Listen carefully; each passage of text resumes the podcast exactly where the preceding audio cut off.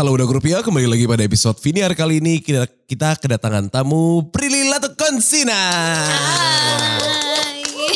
Prilly terima kasih sudah mau datang ke Viniar ya. Sama-sama Akhirnya dong. kita bisa berbincang-bincang nih. Oke. Ah, sebelumnya congratulations on your movie Gita Cinta dari SMA. Thank you.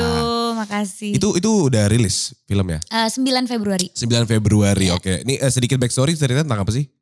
Ceritanya tuh ini tuh remake-nya Gita Cinta dari SMA tahun 79.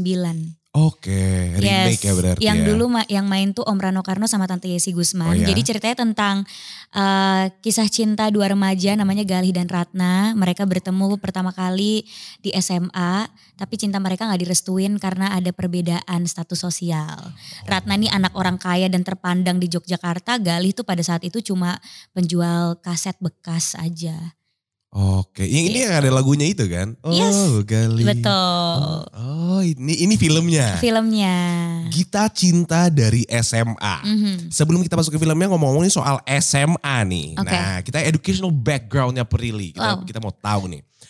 Katanya dulu pernah homeschooling juga. Yap, homeschooling SMA-nya. SMA homeschooling itu Hmm. dari kelas 10 sampai 12. Eh sebenarnya tuh masuknya di pertengahan kelas eh, 10 ya sampai 12. Oke, berarti di homeschoolingnya di K- Kaseto. Kaseto HSKS Sempat itu ya? ngerasain negeri juga. Oh, Jadi sebelumnya ngerasain negeri dulu, Hmm. terus di pertengahan itu baru pindah ke homeschooling Kaseto. Kenapa? Kenapa memilih homeschooling waktu itu? Karena negeri tuh kan ketat banget ya. Eh, apa nih? Celana, Absennya. Roknya, roknya apa? Absennya. Oh, absen, ya. Kalau di Tangerang sekolah negerinya kita panjang-panjang roknya. Oh, Nggak bisa diketat-ketatin gitu ya. Lu. Tangerang lu negeri mana? Tangerang, negeri 7. Negeri itu itu apa ya? Nah, panggilannya, panggilan gaul kan Aduh. tiap negeri punya panggilan kan. Apaan ya? Nggak tahu lagi Gue lupa. Tangerang cuma tahu Munzer, Munzer. Nggak tahu lupa. Pokoknya SMA Negeri 7 Tangerang. Oke. Nah itu tuh ketat Tangerang. banget peraturannya kita tuh nggak boleh absen kecuali kalau sakit. Karena kalau enggak tuh beneran ketinggalan pelajaran segitu ininya ketatnya pelajarannya dan peraturannya gitu. Jadi nggak fleksibel sama pekerjaan. Kayak susah untuk kita punya kegiatan di luar sekolah lah. Akhirnya memutuskan untuk homeschooling supaya bisa balance kan. Soalnya kalau tetap di negeri ya pasti nggak akan balance gitu. Makanya homeschooling. Oke, berarti eh, dulu ada namanya ujian akhir nasional. Ya. Itu paket C berarti. Mhm. Gila, sama kita. Oh ya, Gue juga SMA-nya tuh eh, apa homeschooling, ambil paket C juga. Kadang-kadang suka bingung kayak ini kayak menu hokben ya kita. sebenarnya nggak ada perbedaan sih sebenarnya. iya sih, Soalnya ada. tetap sama. sama. Cuma yang membedakan ya mungkin cara belajarnya aja kali ya. Betul, Aku juga nggak nggak terlalu paham sih ken- kenapa dibilang paket C paket A. Lebih fleksibel tapi ya homeschooling tuh ya. Waktu itu sangat membantu berarti ya. Membantu banget karena kan distance learning. Jadi guru yang ke rumah kan. oh oke. Cuma belajar sendiri. Aduh suka banget belajar sendiri doang. Jadi gurunya datang Ke rumah, terus kita belajar sekali belajar kan dua jam gitu. Dua jam Oke. apa tiga jam gitu tergantung kita satu hari itu mau belajar berapa pelajaran gitu tergantung kitanya. Enak banget belajar sendiri kan kayak Iya. nanya bebas, nggak bakalan ada yang ngetawain, nggak enak, nggak bakalan ngerasa nggak enak sama yang lain. Lebih konsentrasi juga belajarnya karena benar-benar diawasin sama satu guru. Iya, iya. Tapi itu bukan bukan ke tempat ya berarti ya. Itu guru datang ke rumah. Guru datang ke rumah. Ada dua Oh. paket memang yang kita datang ke tempat sama guru datang ke rumah. Aku memilih yang guru datang ke rumah. Oke, benar sih dengan jadwal yang sangat padat itu ya. Tapi kita lanjutkan ke kuliah nih. Ada fun fact ya. Fun fact, Prilly dan Marlo satu alma mater LSPR. Wow. Perbedaannya, Prilly lulus tepat waktu dan cum laude. Bahkan mendapatkan beasiswa full pasca sarjana dan dapat predikat Best of the Best Graduate 2021. Gimana tanggapan Marlo soal ini? Oh yang ditanya tanggapan Saya Marlo ternyata, ya. iya. Oke oke. Gue gue gak ngerti ya, tapi ini Prilly lulus tepat waktu. Ya tiga setengah tahun tuh udah udah selesai skripsi lah. Tiga setengah tahun. Tiga setengah tahun gue tuh semester tiga lah. semester tiga. Serius, serius. Iya bedanya kan kamu itu cum laude, eh, terus dapat beasiswa pasca sarjana. Be- beasi- Beasiswa S2. Jadi itu tuh hadiah karena aku mendapatkan penghargaan Best of the Best Oh, Graduate. oke. Nah karena mendapatkan penghargaan itu jadi hadiahnya itu mendapatkan full beasiswa S2 kayak gitu. Kayak kesenjangan sosial ya gue ngerasanya. ya. Gali Ratna dong. iya bener, ini ini gali rata gue real gali ini kayaknya nih. Jual kaset, gue juga jual kaset. Tapi bedanya bukan kaset, udah gak usah kita bahas kaset apa. Tapi oke, eh, sebagai em, mm, sarjana drop out juga saya. Kenapa sih? Nah jadi kan kampus kita nih Heeh, kan sangat baik ya Iya. sama influencer. heeh. Ya, Kok di drop out kalau gitu? Nah, kayaknya ada perbedaan dengan yang belakangnya M sama yang belakangnya K. Hah? Followers. Iya. Gue masih K jadi gak gitu dibantu kayaknya. Oh, tapi aku gak dibantu apa-apa loh. Gak dibantu. Enggak, beneran Jadi, kalau itu emang kayak emang dari Prilinya mau. Iya emang emang emang gue rajin masuk kuliah sih. Berarti emang gue yang brengsek kali ya. ya. Oke, eh, ya best of the best graduate 2021 ya. Itu gimana waktu itu balancing kuliah sama pekerjaan tuh? eh pekerjaan sama kuliah balance tapi personal life-nya nggak balance. Ya harus jadinya harus ada yang dikorbanin kan. Kayak pulang syuting jam 3 pagi terus aku ngambil kelas pagi ya tetap harus masuk jadi kayak nggak tidur. Terus eh syutingnya ya karena kan syuting baru bisa mulai jam 1 siang karena harus kuliah dulu kan. Ya Ya. otomatis kalau mulainya siang selesai pasti pagi. Nah Mundur jadi ya yang ya. dikorbankan waktu tidur, waktu main. Di saat libur kuliah dipakai buat syuting kayak gitu. Tapi ya memang harus ada yang dikorbanin. Gak apa-apa lah, 4 tahun aja kan korbannya, berkorbannya. Hmm? Berkorban waktu tidurnya kan sekitar tiga setengah sampai 4 tahun, gak masalah lah ya. Hmm. Tapi kan predikat best of the best graduate selamanya. ya dong, tertulis di CV selamanya. Which is worth it. Kamu lulus tepat waktu saya hampir pemutihan. ya, itu itu perbedaannya. Sebenarnya kita banyak kesamaan, homeschooling, aku juga homeschooling. Oh, iya. London School juga London School, tapi beda nasib aja kayaknya nih kayak aduh juara satu tukar nasib deh kalau bisa nih gue nih. Oke, tapi eh, ini eh, kamu cukup hebat ya untuk bisa membagi porsi baik dengan antara pendidikan sama karir nih. Tapi kan Hmm. waktu itu tadi kamu ngomong susahnya adalah pembagian waktu personal life-nya. Betul. Itu gimana rasanya waktu ngerasa kayak gue kok nggak ada mainnya atau kayak gue kok nggak punya gebetan atau kayak Iya bener-bener susah banget sih kayak di saat teman-teman bisa yang kayak Sabtu Minggu tuh cabut live music ke mana, ya aku syuting. Nah, jadi Soalnya kan. Senin sampai Jumat tuh eh, syuting udah ngalah sama kuliah kan, mereka mulai siang. Oke. Jadi pas Sabtu Minggu mereka pengen mulai dari pagi syutingnya gitu. Oh. Ya jadi otomatis nggak ada waktu untuk hangout live music seperti anak pada umumnya gitu ya. Nggak bisa bersenang-senang gitu. Nggak ada waktu pacaran juga Iya. gitu. Waktu tidur juga kurang. Tapi balik lagi emang nggak bakalan ada yang semuanya tuh seimbang gitu. Nggak bakalan ada yang semuanya bisa sukses gitu. Mungkin aku kelihatan sukses di pendidikan sama di karir tapi ya di personal life-nya nggak sukses gitu. Tapi kan eh, hidup adalah pilihan ya. Jadi ya kita pilih aja mau yang mana. Dan aku memilih nggak apa-apa sukses di karir sama pendidikan dulu gitu. Nanti personal life setelah itu. Nah pilihan gue kayak salah. Pilihan gue kayak main, main, main sama karir. Jadi pendidikannya sorry gitu, sorry. ya nggak apa-apa itu kan pilihan, nggak masalah. Betul, karena kan kayak kuliah tuh bisa kapan aja dan di mana aja di umur berapa aja. Betul, abis ini kan. bisa kuliah lagi juga nggak apa-apa. Enggak, enggak, enggak, Enggak enggak, enggak, thank you, udah, udah nyobain Jadi itu sekali. bridging ala-ala aja tadi. Ala-ala aja, supaya kalau orang-orang yang dengerin kayak bener nih, bener nih gitu kan. Tapi kalau gue, enggak, sorry. Oh oke, ya nggak apa-apa hidup pilihan. Buat sekarang kan enggak, tapi enggak tahu ke depannya kan. Siapa tau kayak, menurut gue gue butuh Oh, deh, diplomatis gitu kan. banget, Iya bijak kan. banget, Bijak luar kan. biasa. Parah ya, parah em, ketahuan nih anak komunikasinya nih. Iya oh jelas, ya jelas. Anak komunikasi, SIKOM harusnya nih. Oke, ada nggak satu momen di mana posisinya waktu itu kamu harus milih di antara karir dan pendidikan? Ada. Jadi waktu itu memasuk semester 3 eh manajerku tuh lumayan agak ini gimana nih di semester 1 sama 2 dalam setahun kamu cuma cuma cuma nerima satu film. Ya mau gimana karena nggak bisa nerima job-job yang lain karena tahu sendiri di semester 2 LSPR kan project semua Hmm, iya, tuh. betul. Ada sekitar empat project waktu itu PR project, performing arts, entrepreneur sama advertising dan empat-empatnya aku ketua kelompok. Wah empat-empatnya gue gak ikut waktu itu. Oke, kamu ketua kelompok. Empat empatnya ketua kelompok. Jadi kan Kenapa? bener-bener harus hadir, harus meeting, pulang kuliah tuh nggak bisa langsung pulang, tapi pasti nongkrong dulu di perpus atau kalau perpusnya tutup di kosan temen untuk kayak briefing apa segala macam nyiapin semuanya gitu. Iya, Yang iya. paling sibuk lah. Ya nggak mungkin dong aku bisa nerima job. Jadi di semester 2 tuh bener-bener nggak nerima job sama sekali. Nah manajerku udah mulai kayak ini nggak balance antara karir dan kuliahnya Oke. karena kamu akhirnya jadi nggak bisa kerja sama sekali gitu. Hmm. Terus akhirnya jalan tengahnya adalah aku transfer dari offline ke online. Jadi semester 3 sampai skripsi itu aku e-learning supaya aku bisa fleksibel waktunya dan bisa kerja gitu.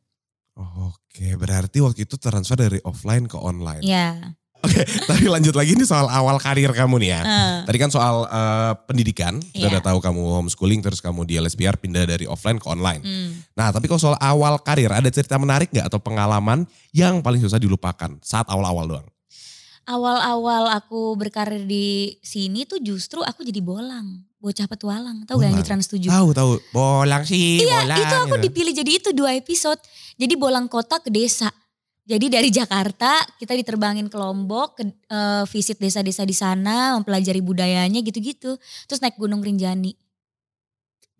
Hah? Kamu jadi bolang? Iya, jadi bolang. Nemenin bolang apa jadi boneka? Jadi bolangnya. Jadi bolang ya? Iya, yang pakai topi merah gitu. Heeh, heeh. Iya itu. Terus kamu yang ngomong. Iya, Eh guys, ayo kita ke gitu. itu unyil kali. Oh, itu unyil ya? bolang. Itu unyil ya? Nggak ada yang pakai boneka bolang. Oh itu unyil. gue gak punya masa kecil sih kayaknya. Laptop si unyil itu ya? Itu laptop sih unyil yang ada bonekanya. Kalau Saya bolang bolang. yang jalan-jalan. Bolang tuh yang jalan-jalan. Oh, yang dia Jadi ya, ada mukanya. Iya ada li- ke, ke Oh. seluruh Indonesia terus nangkepin siput. Eh? Gitu-gitu. Nyari siput. Nanem apa gitu loh. Oh, oh iya iya bener yang biasanya sama teman-temannya gitu Sama ya. teman-temannya. Iya, oke. Berarti waktu itu kamu ke Lombok. Ke Lombok. Terus ya udah di sana ke salah satu desa, aku lupa desanya apa. Terus kita ngikutin ya budaya orang desa di sana, nyobain makanannya kayak gitu. Itu awal karir jadi bolang. Awal karir jadi bolang. Terus eh, ingat gak batu loncatannya di mana tuh ketika dari bolang ini? nih? Koki cilik. Koki cilik. Jadi dari bolang terus Kocil ya? Heeh. terus diajak diajak ini kenapa sih inside jokes ya? Enggak, kocil. Koki cilik. Iya. Iya kan? Iya kan? Kenapa ketawa? Enggak, Koki cilik disingkat doang. Iya iya. iya. Ya, Gue baru sadar lagi. oke. Oke. Nah, cilik. jadi tuh eh, Koki Cilik itu satu tahun setengah lah jadi host Koki Cilik. Oke. Eh, jadi ke seluruh Indonesia terus masak mas, masak eh, makanan yang khas di sana. Di setiap kotanya. Jadi Gitu. tetap keliling-keliling juga. tetap keliling Indonesia juga tapi ini masak. Masak. Belum ada master chef ya dulu ya? Belum kayaknya. Belum, belum, belum. Jadi masih koki cilik. Koki Cilik Satu tuh. setengah tahun. Satu setengah tahun tuh keliling Indonesia. Itu nama kamu jadi naik tuh dari situ. Enggak juga. Enggak juga ya, enggak enggak juga ya. Cuma dari Koki Cilik itu aku jadi ya jadi punya jalan untuk ke yang lain, jadi Iya, punya betul. jalan ke sinetron, jadi punya jalan ke film gitu. Oke. Karena kan udah kalau kita udah sekali masuk ke industri entertainment kan ya banyak jadinya jalan yang terbuka kan. Hmm. Kalau nggak ada Koki Cilik dan Bolang ya pasti nggak ngerti gimana caranya terjun di dunia ini kan. Oke. Nah ini ada pertanyaan pamungkas tulisannya gitu. Wow. Pertanyaan pamungkas. Nama kamu melejit saat bermain di sinetron GGS. Ya. Ganteng-ganteng swag. Kalau sekarang kamu melihatnya ada perasaan malu nggak? Atau yang kayak, duh ngapain dia gue waktu itu ya? Atau malah kayak, ih seneng juga waktu itu. Enggak nggak malu. Nggak malu. Enggak walaupun dikatain sama seluruh Indonesia ya. Siapa yang ngatain aku nggak? Aku pecinta GGS. Masa sih? Enggak. Semua orang ngatain. Ah. Tapi kita nggak bisa eh, nggak bisa menghilangkan fakta kalau itu rating satu. Berarti ditonton. Tonton sih. So orang ngatain tapi orang nonton. Jadi yang lebih ini siapa? yang lebih aneh. Yang nonton nggak? yang nonton sih. Lo ngatain tapi lo nonton. Iya, Malah memberikan pundi-pundi ke kita. betul. Kita jadi semakin kaya bukan? Betul. ya. Jadi Apa gue apa gua bikin video harus dikata-katain ya? Jadi aku sama sekali nggak malu karena itu pengalaman yang luar biasa. I learn a lot from that project. Eh, ya walaupun ceritanya kad- di- dibilang aneh, alay, tapi aku banyak belajar kayak jadi kuat mental satu, dua kuat fisik. Karena itu bener-bener syutingnya dari pagi sampai pagi. Kita nginep di lokasi, sakit tipes aja tetap syuting. Jadi bener-bener fisik tuh udah terlatih gitu. Sehingga kalau syuting film syutingnya, oh baru jam 2 pagi, oke. Gak berasa yang capek gimana-gimana karena udah biasa syuting 24 jam. Jadi kayak lebih bersyukur gitu pas di dunia film karena ngerasain dulu di sinetron kayak gimana. Jadi banyak pelajaran yang bisa diambil dari situlah gitu. itu syutingnya waktu itu kamu berapa lama sih? Berapa tahun? Tiga tahun. Tipes berapa puluh kali? Empat kali lah ada tipes ya. Eh, Sampai punya oksigen sendiri di mobil. Saking seringnya sempoyongan. 24 jam syutingnya. Mungkin lebih. Beneran. Kita bisa syuting misalnya mulai syuting jam 8 pagi. Selesai bisa jam 12 siang besoknya. Hmm? Ya. Gimana, Syuting gimana? jam 8 pagi, syuting. Selesai jam 12 siang besoknya. Oke 28 jam. Iya. Bahkan pernah waktu itu kita syuting dikasih pilihan sama sutradaranya. Mau gue kasih tidur 4 jam, tapi kita pulang jam 1 siang. Atau gue gak kasih tidur, gue kasih lo pulang jam 9 pagi. Bukan pilihan ya itu kayaknya. itu kayak dua-dua mematikan tuh. Dua-duanya mematikan. Terus akhirnya kita sepakat milih dikasih tidur 4 jam. Karena kita gak kuat kalau gak dikasih tidur sama sekali. Akhirnya dikasih tidur 4 jam, ya baru pulang jam 1 siang. Beneran orang-orang baru lagi ah, makan siang di kantor kan, istirahat makan siang di kantor, saya baru pulang. Anda pulang ya. Betul. Pantas waktu itu belum bisa masuk ke kuliah ya. Nggak bisa Karena sama sekali. gitu ya. Bisa dead gak sih? Dai sih, dai banget sih. Kita lanjut ke film kamu nih yang terbaru, Gita Cinta dari SMA. Ngomongin soal kenangan. Mungkin banyak orang sepakat masa paling indah adalah SMA. Hmm, Kamu setuju gak sama itu?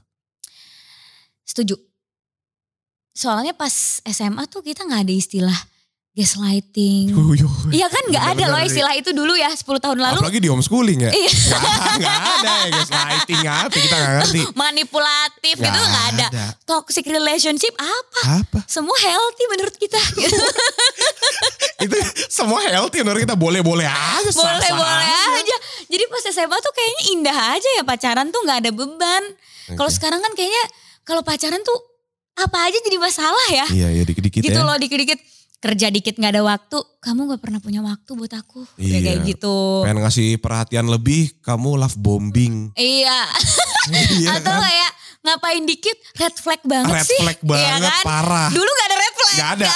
Dulu green flag, green Dulu flag, green maju, semua. maju gitu dulu kan. tuh kayak pacar posesifin kita ya kita ngerasa oh dia sayang banget sama gue ya kan Beda banget ya sekarang ya. terus kayak kalau sekarang kan berduaan mulu bucin banget sih loh Bucin, gitu kan? iya, iya. kalau dulu aku berduaan mulu sama pacar aku yang SMA nggak ada yang ngata-ngatain bucin. Iya. jadi kita pede-pede aja pacaran mulu. Indah banget dulu Indah ya tuh dunia iya. ya. sekarang tuh kayak pacaran tuh serba ini ya bingung gitu. Bingung. terus kalau sekarang tuh kayak pasangan kita harus padan gitu kan. Sepadan menurut orang yang lihat. Oke. dia nggak pantas buat lo. Pasti kalau sekarang kan orang berani yang ngomong gitu. Kalau dulu tuh lucu banget sih pacaran nggak peduli backgroundnya apa Iya sih. Iya gak sih Sekarang mah dibanding-bandingkan. dibanding-bandingkan penghasilan berapa Iya, apa? edukasinya sampai mana? sampai mana sukunya apa, Apa?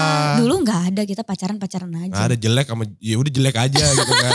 ganteng ya ganteng. Dulu mah nggak ada yang kayak lu jelek karena. iya ya ada nggak ada Udah kita main tuh udah fisik doang kita lihat. fisik doang Gak peduli, backgroundnya gak peduli fisik. jadi indah aja kan Indah ya. Ngomongin soal filmnya dulu nih. Gita Cinta dari SMA kan tadi kamu bilang sendiri ini remake. Hmm, Ada perbedaan signifikan gak yang dari filmnya yang waktu zaman Tarno Karno sama yang sekarang? lebih ceria Lebih ceria. lebih apa ya vibesnya tuh kayak lebih light lebih ceria gitu. Sama banyak adegan-adegan tambahan yang gak ada di uh, Gita Cinta 79 mungkin disesuaikan sama anak zaman sekarang kali ya. Kalau dulu tuh Ratnanya menunduk banget sama orang tua kan. Nggak berani menye- me- nggak berani berpendapat gitu. Kalau sekarang sekarang dia melawan. Ya udah pasti emang rebellious face. Iya gak apa-apa. Kalau yang dulu tuh adegannya kan bapaknya ga, Ratna galak, Ratna yang menunduk gitu kan. Eh. Ini Ratna yang ngelawan. Ada jawab-jawabnya dia. Walaupun ujung-ujungnya dia nurut, Udah tapi ada jawab-jawabnya. Kayaknya biar relate sama anak zaman sekarang. Kayak, hmm, gue banget nih. Ngelawan orang tua tuh gue banget. Gue banget. Eh, Cuma bedanya kalau Ratna kan ngelawan eh, beneran di depan muka gitu. Kalau anak zaman sekarang kan bikin status TikTok. Oh bener. Iya kan? Bapak gue kayak. Bapak gitu ya. kan di TikTok bikin gitu kan kayak gaslight gaslight kayak tai gitu.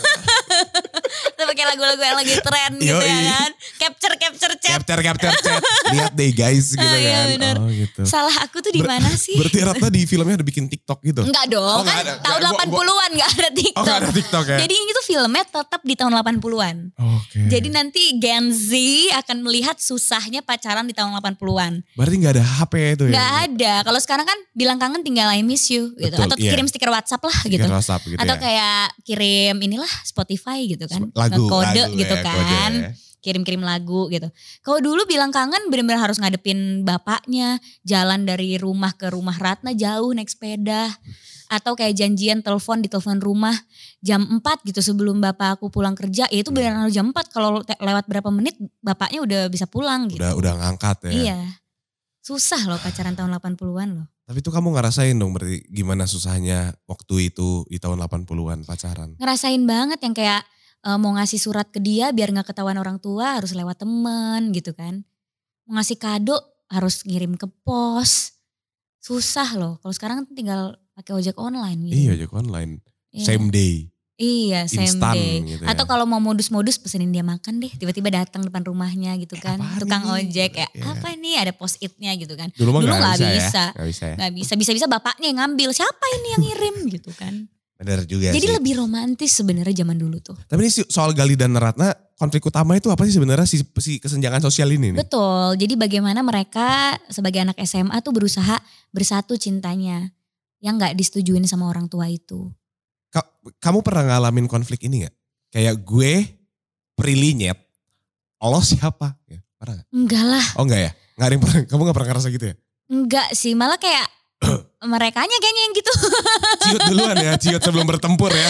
Harus gue yang kayak enggak kok gitu. Oke. Agak lelah sih sebenarnya ya begitu terus ya. Emang biasa kalau cowok-cowok yang deketin kamu tuh kayak gimana dulu tuh? Hmm. Pasif ya? Ya pernah sampai nggak jadi ngedeketin karena ngerasa kayak ngerasa aku nggak approachable. Ini karena watak sifat atau karena karena, Karena ngelihat dari luar gitu misalnya. waktu kamu Jadi kayak kerja gitu? Misalnya ketemu sama dia di acara-acara formal aja. Oke. Ya di acara-acara formal kan pasti aku behave dong. Nggak mungkin aku bisa diajak ngobrol yang bercanda gitu. Iya, pasti kan aku akan ya sesuai dengan acara Tahu gitu. tempat lah ya. Tahu tempat. Yang menurut dia tuh kelihatannya aku nggak approachable. Jadinya kayak padahal dia suka tapi eh, nggak jadi ya kayaknya dia terlalu terlalu ini terlalu kerja banget, terlalu independen gitu. Kayaknya nggak pengen pacaran nih orangnya. Berasumsi sendiri. Benar. Padahal aku dalam hati suka juga gitu. Jadi kayak ya udahlah gitu. Makanya kan mendingan deketin duluan. Benar. Jadi intinya adalah kita harus berani ya. Harus berani kayak Ratna lah. Kayak Ratna. Ratna kan deketin duluan tuh. Kalau dia nggak deketin duluan mungkin Gali juga nggak akan berani. Tapi menurut kamu sah-sah aja nggak buat perempuan mendekatkan laki-laki duluan? Sah-sah aja kayaknya itu memudahkan hidup aku ya. Benar. Tapi maksudnya kalau ah, yang di- kita deketin bukan Prilly nih. Kayak ada cewek ngetin cowok gitu. Nggak Sah-sah apa-apa. aja. Nggak apa-apa karena peraturan dari mana sih harus cowok duluan? Coba ada yang bisa tahu nggak itu peraturan dari mana? Gak ada. Gak ada peraturan. Kita sesama manusia kita punya hak yang sama untuk mengutarakan perasaan kita. Betul. Ya cuma mungkin pasti kan akan dijudge sama orang, ih ngedeketin duluan. Emang kenapa ya? Kalau sekarang kan kayak, ih ngedeketin duluan kayaknya nih cewek centil gitu kan. Centil.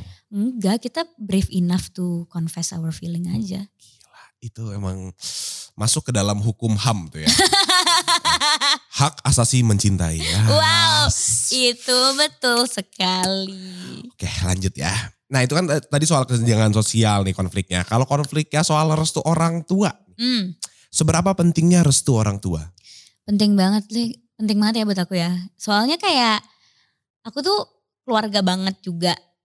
Jadi ya kalau pacaran tuh aku seneng yang bawa pacar aku ke acara keluarga gitu. Harus. Dan itu. aku juga sangat seneng kalau dia bawa aku ke acara keluarga dia. oke. Dan aku juga seneng kalau bisa akrab sama keluarga pacar. Jadi kalau nggak direstuin orang tua tuh berasa kayak ada yang kurang gitu. Kayak nggak lengkap hubungannya. Terus eh, ya yang pasti kalau nggak direstuin orang tua, kalau aku pasti aku akan diskusi dulu sama orang tua. Kenapa sih papa mama nggak suka sama dia? Hmm, Kasih hmm. tahu aku alasannya. Kalau masuk ke logika aku alasannya, ya mungkin aku akan jadi setuju sama papa mama gitu. Iya soalnya dia tuh gini gini gini gini gini. Misalnya aku kayak, iya juga ya. Yang aku Oke. bisa jadi setuju sama orang tua aku terus akhirnya kayak, kayak orang tua gue benar gitu. Tapi kalau eh, pendapat orang tua aku nggak make sense, ya aku akan berusaha ngebagusin pacar aku gitu kayak, Iya, enggak kok dia tuh gini gini gini gini. Jadi ngasih pengertian ke orang tua kita supaya orang tua kita juga bisa berubah pikiran gitu. benar sih. Kadang-kadang kan orang tua tuh suka kayak bikin asumsi sendiri. bikin asumsi sendiri Ya. atau kayak yang ngerasa pengalaman pengalaman dia tuh disamain sama pengalaman kita padahal kan hidup di Oh. zaman yang beda. Zaman yang beda. Jadi harus pelan-pelan sih ngasih pengertiannya gitu. Makanya Tapi- aku benar-benar pelan-pelan banget kalau papaku kayak agak-agak sensi gitu. Tapi eh, sama pacar yang sekarang udah dibawa ke orang tua belum? Saya tidak punya pacar. Sorry banget gue gak tahu. Eh, kalau nanti Prilly punya pacar. Oh, iya. nah, kalau nanti Prilly punya Oh, iya, pacar.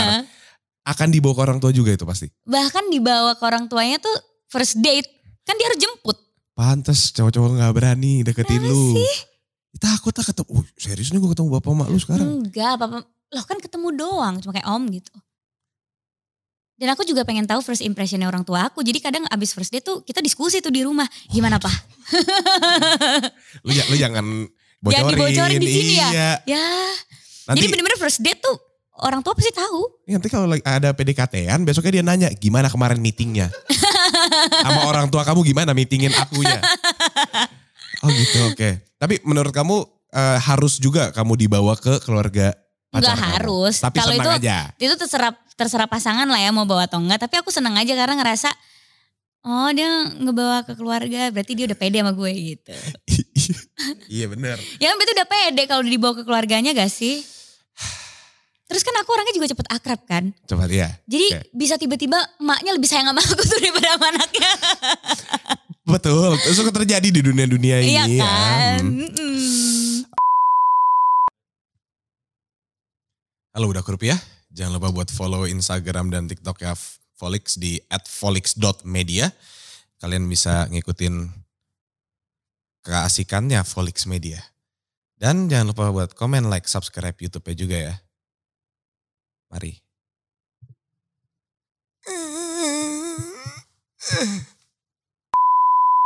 Tadi kamu setuju dengan restu orang tua. Betul. Tapi kenapa masih banyak anak muda yang ngelawan?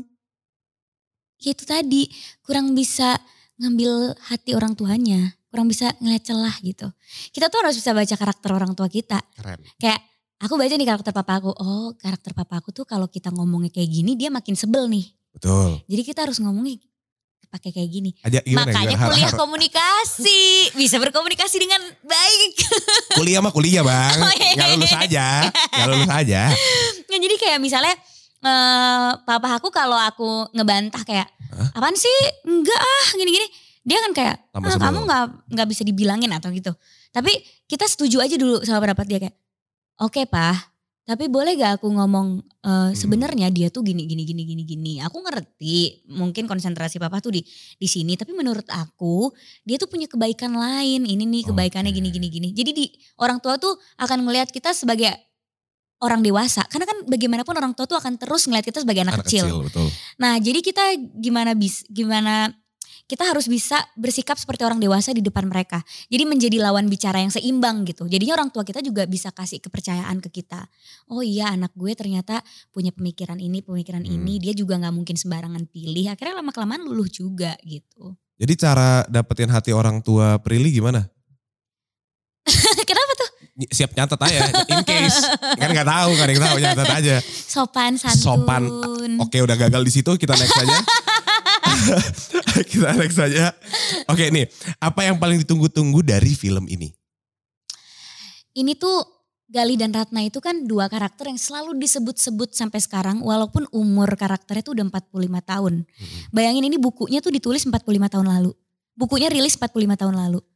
Jadi kayak udah jadi bacaan selama 45 tahun lah si Galih dan Ratna ini. Kedengeran di lagu, sempat dijadiin karakter di film lain. Jadi Galih dan Ratna tuh abadi gitu cintanya. Nah aku ngerasa banyak banget orang tuh yang kangen sama kisah cinta tahun 80-an Galih dan Ratna ini. Banyak banget orang yang pengen bernostalgia. Dan di film inilah benar-benar bisa bernostalgia ke tahun 80-an. Kemarin pas premier itu banyak banget ibu-ibu bapak-bapak isi seru undangannya. Terus mereka tuh heboh banget di adegan-adegan yang menurut aku kayak nggak perlu diteriakin tuh diteriakin gitu. Kayak wah ciehu. Dan itu ibu-ibu bapak-bapak ya. Gitu loh. Jadi kayak loh loh, loh ini kenapa pada teriak? Karena mungkin di zaman mereka di situ mereka kayak ah. iya, gitu di ya. zaman mereka tuh it's a big deal gitu. Kayak dialog galih. Nanti pulangnya sama aku ya. Kalau sekarang kan kayak biasa Oh, aja ya. nah itu ibu-ibu sama bapak teriak loh di premier bener yang kayak ah gitu. Histeris ya Cuma mereka. gara-gara dialog nanti pulangnya sama aku ya. Jadi aku ngerasa kayak film ini tuh bisa ngebuat orang-orang tuh kayak balik lagi ke masa-masa indah pas SMA. Itu masih berlaku di tahun 80-an ya nanti pulangnya sama aku ya. Kalau gue sekarang katain buaya gue. nanti pulang sama aku ya. Enggak, oke. Enggak, oke. Kenapa emang? Enggak tahu. Lah. Ngomongin soal film nih, ya kan. Masih pakai soundtracknya lagu itu? Masih, semua tuh sama, cuma ya penyanyinya beda aja. Iya beda, tapi tetap wahai Galih Duhai Ratna. Iya masih. Jadi tuh pas lagu itu Semangat, keputer di film di satu adegan gitu, semuanya singelong satu bioskop. seru banget. Jadi Seru tuh banget, banget. experience nontonnya tuh seru gitu. Bukannya cuma ngedapetin hiburan nonton film, tapi experience sama penonton lain. Jadi wajib kita tonton. Tapi sebelum kita ngebahas lebih panjang, takutnya kita spoiler. Heeh. Kita udahin aja. Oke. Kalau yang kepo, langsung aja nonton 9 Februari di Betul. seluruh bioskop Indonesia. yes. Sebelum selesai, kita masih ada beberapa lagi nih Prilly. Ini ada sebuah games. Karena kamu itu seorang aktor, tris, Oke. seorang pemain film, film, film. Apa sih ngomongnya?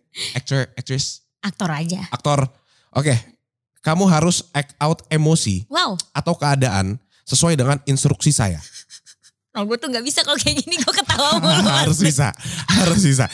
Ini, ini kita ibaratnya lagi sinetron. Ayo cepat, nggak ada skrip, nggak ada waktu, kamu harus ganti ekspresi, gitu ya. Oke, Tuh kan gue udah mau ketawa nih gue. Pertanyaan simpel, netral. Gak gitu dong. Ah, kan gue gak ikutan main, lu doang. Oke. Netral. Jawab dengan ekspresi bete. Tiga nama aktor atau aktris Indonesia favorit lo dan kenapa? Ini mulu ya pertanyaannya. Hmm, tapi oke gue jawab. Hmm, Reza Rahadian. Karena ya siapa lagi? Dia aktor yang bagus banget. Attitude juga oke. Baik banget. Actingnya bagus. Christine Hakim. Karena kayak ya iyalah kayak nanya lagi. Christine Hakim udah menang piala citra berapa gitu. Terus satu lagi siapa ya? Hmm, satu lagi Widiawati. Jawab sambil memerankan sosok Ratna. Apa yang akan lo lakukan kalau diselingkuhin? Udah gak usah bete lagi, sosok Ratna sekarang. Rata gak pernah diselingkuhin loh. Semuanya tergila-gila sama dia. enggak, enggak. Ini memerankan sosok Ratna doang, pertanyaannya emang gak nyambung. Iya, oke. iya. Lu meranin sosok Ratna. Ratna kayak gimana orangnya? Ratna tuh kalau ya biasa aja kayak Normal. normal lah. Ya udah berarti jawab normal. Tapi pakai bahasa baku kali. Pakai bahasa baku. Hmm. Apa apa yang akan lo lakukan kalau diselingkuhin? Kalau Gali selingkuh, mungkin aku akan mengingat kembali kesalahan aku apa sampai Gali ke orang lain. Sedih mungkin. Tapi ya mungkin ada salah aku juga. Jawab dengan ekspresi sedih. Sebutkan tiga makanan yang lo gak suka. Tapi harus sedih. Masalahnya gue gak ada yang gak gue gak suka. gue suka semua makanan. Even pete jengkol. Oke berarti kita ganti pertanyaannya. Tiga makanan yang paling lo suka yang selalu Ah. bikin seneng lo makan. Oke tapi, Tapi sedih, ya? sedih. Hmm. Em, gue suka mie ayam.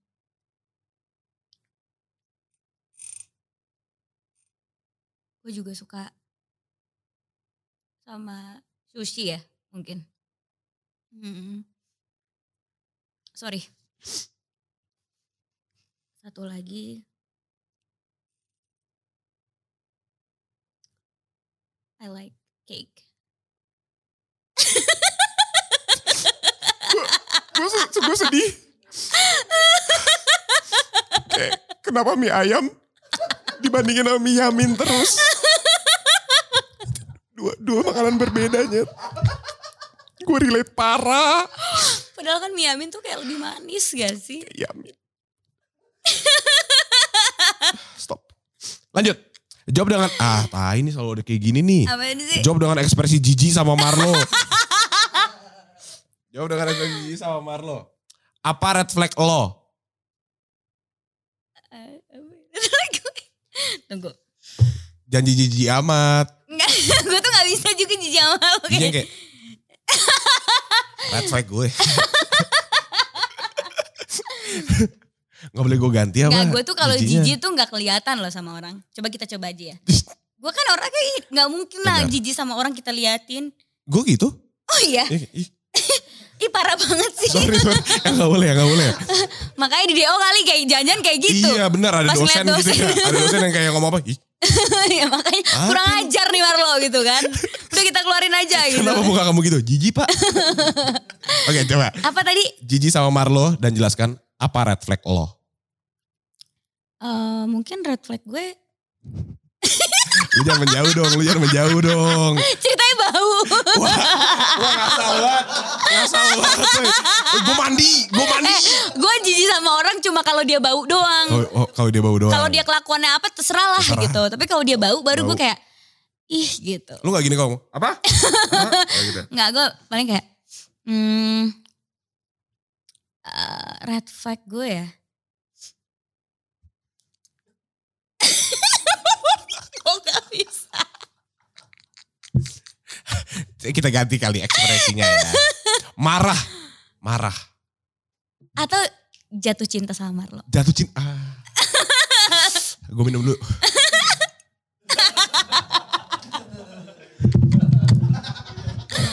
Red flag aku ya. Ya. Kayaknya red flag aku kalau udah terlalu sayang sama orang, aku bakalan susah ngebiarin dia jauh dari aku sih. So I kinda like needy. Stop tatap mata gue, gue salting. merem, merem. Huh, panas, panas. Kayak gue needy. Nidi. Ya. Ada keinginan ini gak pindah ke Kristen? Enggak, enggak ya? Enggak ya? Belum, belum ya? Oke. Loh gak ada Hah? keinginan pindah ke Islam. Jangan gitu, gue gampang, gue gampang tergoyah. Oh gitu. Iman gue gampang tergoyah. Keimanannya tergoyahnya ya. Baik, gak baik. Ya mungkin kita bisa make it work. Huh. Lu katanya jam 3 udah harus eh, diganti ya? Jam 3 ya, oke. Ya. ya sabar.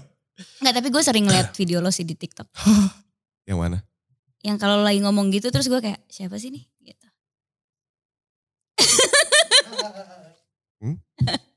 Terus, terus. I think you're cool. I mean it. gue lagi gak punya pacar lagi. Oh sama dong. Dan gue gak takut buat ngedeketin cewek duluan. Jadi kayak,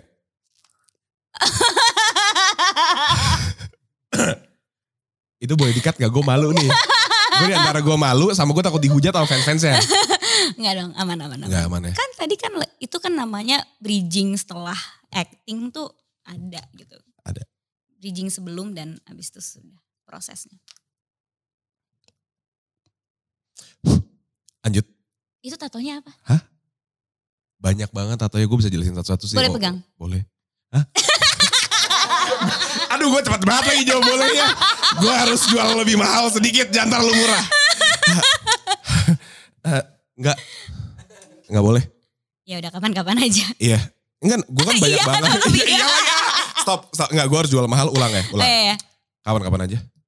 Ya udah. Kapan? Terserah gue, free terus, gue free terus. Bintang lo apa sih? Libra lo? Gue Libra. Libros. Luar biasa. Tanggal Susah, susah. Dua-dua lo? 2 Oktober. Ah. 15. Oktober? Iya. Beda seminggu kita ulang tahun. Ah. Bagus tuh kalau pacaran bisa ngerayain bareng. Iya kayak Iya. bagus sih. Tato gue banyak gue bisa jelasin satu-satu sih eh, over dinner gitu kayak makan malam gue bisa jelasin. Oh iya, iya. All night berarti ya kalau karena kan banyak. Banyak. Hmm. Yang di sini juga banyak jadi kayak Oh, oke. bukan bukan artinya gue kasih lihat dada gue ke mana-mana Oh, iya, enggak. iya, iya. Cuma ngejelasin, Ngejelasin aja, gue punya fotonya yang kayak Iya. close up gitu nggak gue kayak jadi ini ini nggak nggak Itu juga agak serem agak ya. serem apalagi kayak lagi kita lagi makan malam terus gue buka baju aneh kan Iya kan oke Oke. lanjut Eh, ini pertanyaan ayo gue pusing banget sekarang sesak nafas jawab sambil memerankan Gali Wow, Gali. iya Gali gimana orangnya dingin Gali tuh diem gitu. Orangnya nggak banyak ngomong. nggak banyak ngomong Hmm. jadi minim kata ya Minim kata. oke apa tipe pasangan buat lo apa tipe pasangan lo Bertato mungkin? bunga untuk kamu pada rumput Nah, lanjut enggak karena Gali tuh gitu. Gali Ngomong bertato. sekata tapi Oh. bikin penonton tuh teriak. Ih gue teriak, gue penonton. gue penonton parah sih. Banget. Oke, Ya, kan? serius, Ah, iya, iya, iya, iya, serius. Kan ini sambil meranin Gali. Meranin kali, meranin kali. Tapi jawabannya serius, jangan gitu. Aduh kantung kemih gue udah pengen pipis nih. Deg-degan, lanjut. Em, aku kayaknya akan suka sama pasangan yang suka diving. Karena menurut aku lebih menarik aja kalau pasangan tuh melakukan kegiatan di alam. Lalu tan skin, I think it's hot and um, hmm, bisa berkomunikasi dengan baik. Ada lagi? Udah. Itu. Kenapa tuh begitu kabelnya? Enggak, dibenerin, dibenerin, dibenerin kabelnya. Benerin. Oke itu udah selesai kita main games Suka diving gak? Suka diving nih yang kayak diving apa nih? Diving pura-pura diselengkat terus kartu kuning ngediving. Apa diving diving? Di laut dong. Oh enggak. Ya. Gue takut sama laut. Serius? Gue takut laut, gue takut ketinggian. Oh ya? Ya jadi gue gak suka naik pesawat, gak suka naik kapal. Terus Mobil. nggak bisa LDR dong? Nggak bisa LDR dong? Emang lu di mana rumahnya? Enggak, cuma nanya Oh nanya aja. Cuma nanya aja. Bisa, bisa. Oh, Takut, takut tuh bukan berarti nggak mau. Oh. Gue berani mencoba hal-hal baru kok, santai aja. Oh gitu. Oke oke oke. Pesawat, laut, buset dah. Apa apa aja. Gue selem semuanya. Oke. Ya, aman, aman. Oke aman aman. Lanjut. Kita ada terakhir nih, sesi terakhir yaitu Budak Rupiah Question. Kita punya question box, kita udah taruh buat ditanyain ke Prilly. Jadi ini dari followers-followers di Volix. Pertanyaan pertama dari Storina underscore. Prilly, kalau misalkan satu project lagi bareng Ali, mau apa enggak? Hmm, enggak kayaknya. Ali siapa ya? Aliando. Oh, enggak. Enggak. Kenapa? Masih pengen mencoba eh, main sama aktor-aktor lain. Kan nama dia udah pernah. Jadi pengen coba dipasangkan sama yang lain. Oke. Karena aku nggak mau eh terlabel Prilly cuma cocoknya sama ini. Aku Oh, pengen oke. bisa jadi aktor yang versatile gitu, bisa cocok sama Semuanya. siapa aja lawan mainnya gitu. Oke, ini pertanyaan kedua dari Nafa Soraya. Prilly susah nggak sih meranin karakter Ratna? eh susah-susah gampang, susahnya tuh karena kita harus mempelajari kelakuan remaja tahun 80-an yang gak relate banget sama sekarang. Betul. Jadi harus banyak-banyak nonton film sebelumnya, terus juga nanya-nanya ke acting coach, caranya ngomong, caranya logat 80-an, terus pakai bahasa baku dan logat 80-an kan. Jadi lumayan tuh readingnya intens banget kita membiasakan diri skenario pakai logat tahun 80-an, pakai bahasa baku. Gim- Gimana sih logat 80-an tuh? eh misalnya kayak, Galih boleh aku meminjam buku catatan akuntansi tadi? Oh, Kayak yang kayak gitu. gitu ya. Nah, ada nada. Kamu meracuni pikiranku Galih. kayak gitu-gitu. Iya, iya benar benar. Oh, gitu. Itu yang itu yang bikin susah ya? Ya karena kan gak relate sama kita kata kalimat-kalimat kayak gitu kan. Mana ada zaman sekarang bilang kamu meracuni pikiranku. Lu toxic jing gitu ada ya kan. Pinjam buku akuntansi, minjem bae anjing. Ya tak, minjem dong gitu Minjem kan. dong, ya benar benar. Tapi ternyata, nah aku tuh sempat khawatir tuh di situ. Duh kira- kira-kira bisa gak ya ngedeliver itu ke penonton? Kira-kira penonton cringe gak ya nontonnya? Tapi ternyata pas nonton, respon orang-orang yang nonton kan waktu premier tuh kita sempat jual tiket juga kan. Jadi ada penonton awam lah yang bener-bener emang pengen nonton. Ya. Bahkan ada kritikus-kritikus film yang serem banget kalau udah ngekritik di Twitter. Mm-mm. Terus aku stok ininya kan Twitternya dia. Dia ngomong apa nih setelah nonton. Ternyata review bagus semua. Jadi mereka enjoy dan gak ngerasa terganggu sama logat 80-an atau cerita 80-an. Karena isu di Gita Cinta dari SMA tuh tetap relate sama zaman sekarang. Oke. Berarti bisa lah ditonton sama orang yang bukan dari tahun 80-an Bisa atau banget. Karena banyak kan kalian-kalian yang cinta yang gak direstuin orang tua. Atau cowok-cowok yang ngedeketin cewek tapi ceweknya lebih kaya. Relate sama Gita Cinta dari Relate, SMA. relate banget. Heeh. Relate banget. Dua-duanya relate banget. Iya kan. Iya. Udah miskin gak direstuin lagi gue. Susah ada hidup. Lanjut pertanyaan ketiga, Flower Crown Queen 10. Tips sehat ala Prilly. Happy. Happy. jangan banyak pikiran nggak mungkin ya orang jam umur segini pasti banyak pikiran tapi dibawa happy aja jangan dibawa stres terus hmm, pikirin apa yang dimasukin ke dalam mulut gitu jangan semua makanan dimakan gitu tetap harus dijaga Oh. Enggak, enggak apa-apa. Enggak apa-apa. Bingung, am- ambigu aja tadi. Kayak pikirin apa yang masuk ke dalam mulut. Ya kan kalau kita nggak mikir Gorengan. ya kalau kita nggak ya, mikir kita iya. bisa makan semuanya kan padahal itu tuh nggak baik untuk tubuh kita gitu loh jadi kayak cuma enak di mulut tapi nggak baik buat tubuh ngerti gak sih nggak beneran kan kayak kalau kita makan gorengan kan enaknya cuma sampai mulut aja pas ditelan itu toksik buat Toxic buat, buat- tubuh kan. Betul minyak. Banyak lemak, minyak, Hmm. apa kolesterol gitu loh maksudnya. Jadi lebih perhatikan soal apa yang dimasukin ke mulut. Iya. Ya. Hmm. Ingat guys, jangan yang cuma enak di mulut. lanjut, lanjut lagi. Ini ada pertanyaan selanjutnya dari Axel RR. Cara ngehold pasangan kita dalam kurung cewek biar nggak buru-buru nikah muda. Nikah muda. Maksudnya dia takut pacar diajakin nikah apa gimana? Cara ngehold pasangan kita cewek biar Iya kayak cara buat ngomong ke cewek kayak eh jangan Udah, nggak buru-buru usah buru-buru nikah Iya, muda, gitu. Iya, kayaknya kayak mungkin cewek pengen nikah muda tuh karena ngeliat banyak contoh kan. Hmm. Banyak contoh orang-orang yang nikah muda dan berhasil gitu. Ya mungkin eh, kamunya udah harus mulai ngasih contoh juga ke pacar kamu, cewek-cewek yang gak nikah muda dan berhasil dan bahagia juga. Jadi kayak ya ada pilihan lain kok selain mau kalau mau bahagia selain nikah muda.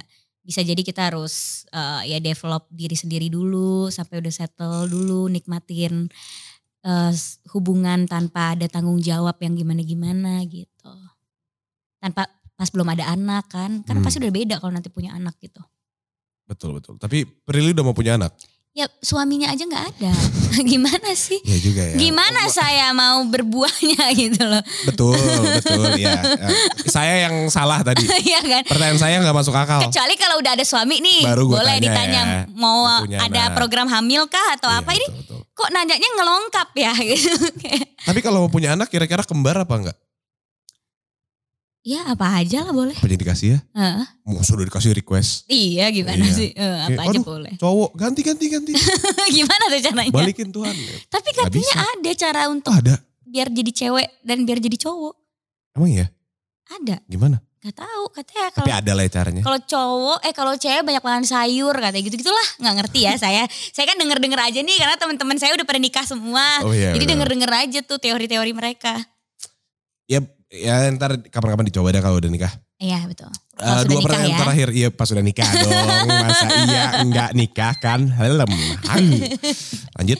Oke. At Syafa underscore Adil. Why do you so introvert? Ayo why do you? Eh, Syafa ada eh, IF, Lia, eh, apa yang namanya banyak dah.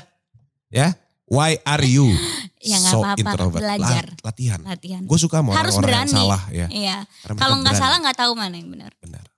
Why do you so introvert? ngeliat di mana aku emang introvert yang tahu aku introvert cuma teman-teman deket Teman dekat kamu mungkin Adil. second account tuh ya pasti Second second, account. second account ini pasti sahabat gue nih Sahabat lo.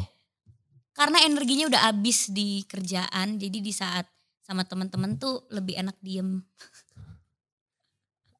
Betul sih, karena kan kita udah energi habis. energi habis jadi diajakin live music pasti nggak mau ah keramaian gitu Nggak mau diajak ke live music, maunya diajak apa? chill aja Nongkrong aja, Ah. ngopi, nyantai. iya Oke. Netflix and relax Netflix and relax kayak gak gitu deh Netflix M-nya tuh. Kayak belakangnya gak relax sih seingat gue ya. ya kan kita relax sambil selimutan gitu pillow talk sambil nonton itu lebih berarti daripada party-party gitu Pilotok sama teman-teman lo. Kayak ada Mm. berempat gitu pilotok. iya Eh, deep talk gitu sambil santai Berat ya, nongkrongnya berat ya. Eh kita nongkrong hari ini apa? Deep talk aja kita ngomongin soal keuangan Indonesia. Gue bingung nih kita kayak lagi kita bounce back apa enggak ya.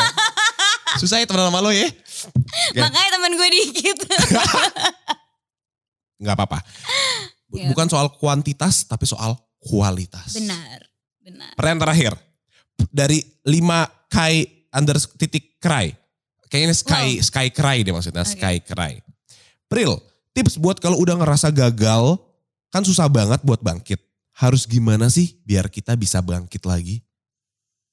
Hmm, selalu ada di mindset kita kalau hidup tuh nggak mungkin langsung berhasil, pasti gagal dulu.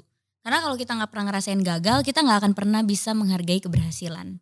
Kayak misalnya, wow, tenar langsung gitu tanpa usaha gitu misalnya, nggak pernah gagal, langsung viral gitu. Hmm. Akhirnya nanti nggak bisa menghargai momen itu, akhirnya malah banyak melakukan hal-hal yang merugikan diri sendiri atau nggak bisa menghargai rezeki atau keberhasilan yang udah Tuhan kasih gitu. Jadi ya nggak apa-apa gagal dulu itu justru bagus untuk kita bisa mengembangkan diri kita lagi, evaluasi diri kita lagi gitu. Jadi pas berhasil tuh benar-benar pas kita udah siap berhasil. Harus siap gagal dulu baru siap berhasil. Keren. Harus siap gagal baru siap berhasil. Soalnya tanggung jawab pas berhasil tuh lebih gede daripada pas gagal. Tuh dengerin. Ya sikap orang kan ditentukan pas dia udah berhasil. Betul. Apakah dia akan menjadi sombong? Apakah Pasti. dia akan menjadi sengak? Apakah dia akan Gua menjadi banget tuh. diva? Gue diva parah total yang kayak doang kalau lihat orang. Ruangan sendiri Iya, pokoknya. AC. Ruangan untuk lo doang kan satu ini kan Gue, sebenarnya. gue doang. Wow. Kayak jangan ada yang ngobrol sama gue. Oh gitu. Gue biasa ngomong dibayar jing. Wow, luar biasa. Enggak, itu kalau nanti suatu saat. Nih makanya kayak kayak emang- Udah direncanakan ya kayak- kedivaan itu. Nah Tuhan tuh udah tahu jadi kayak enggak gue kasih nih. Karena udah punya rencana-rencana Iya. itu. Apa gue pura-pura baik aja kali ya terus nanti Ya kayak Tuhan waktu kan itu. tahu dong. Iya juga ya. Coba diniatin aja gue kalau berhasil gue mau apa gitu. Ntar ya kapan-kapan niat. Eh. Ntar Gue mau ya. kuliah lagi. Apa? Sudah gila kamu anak muda. Oke, eh, sebelum kita closing, eh, silakan Prilly promosi film terbarunya ke kamera yang di sini. Sini ya. Hai teman-teman semuanya, jangan lupa ya ke bioskop tanggal 9 Februari nonton Gita Cinta dari SMA. Untuk kembali lagi ke cinta remaja di saat belum ada istilah toxic relationship. Mungkin kamu butuh. Atau buat yang lagi gak direstuin orang tua, mungkin juga butuh terinspirasi dari Gali Ratna. Langsung aja nonton Gita Cinta dari SMA bernostalgia di tahun 80-an. Yeay. Terima kasih Prilly sudah mau datang. Oke dengan ini kita tutup dulu. Terima kasih semuanya sudah menonton. Sampai ketemu di episode selanjutnya. Jangan lupa buat nonton Gita Cinta dari SMA. Tanggal 9 ya? Yap. 9 Februari bisa disaksikan di bioskop mana pun. Dan jangan lupa buat ngikutin update-nya di Instagramnya at Gita Cinta dari SMA Film dan Instagram saya, Prila Tukonsina 96. Baik, terima kasih Prilly. Tepuk tangan Terima kasih. semuanya. Sampai ketemu di kapan-kapan ya? Kapan-kapan ya? Ah, Iya. Oke oke. Oh, Oke oke guys jangan lupa like, comment, dan subscribe dan tonton juga video lainnya dari Viniar. Eh, sampai ya oke. Sampai sampai ketemu udah. Iya, sampai ketemu. Dadah, Oke, gitu. dadah. Hai semuanya, aku Prila Konsina. Terima kasih sudah nonton. Jangan lupa tungguin terus video-video seru selanjutnya di Viniar dan jangan lupa juga dikasih like, comment dan subscribe. Di share juga ke teman-teman untuk nonton.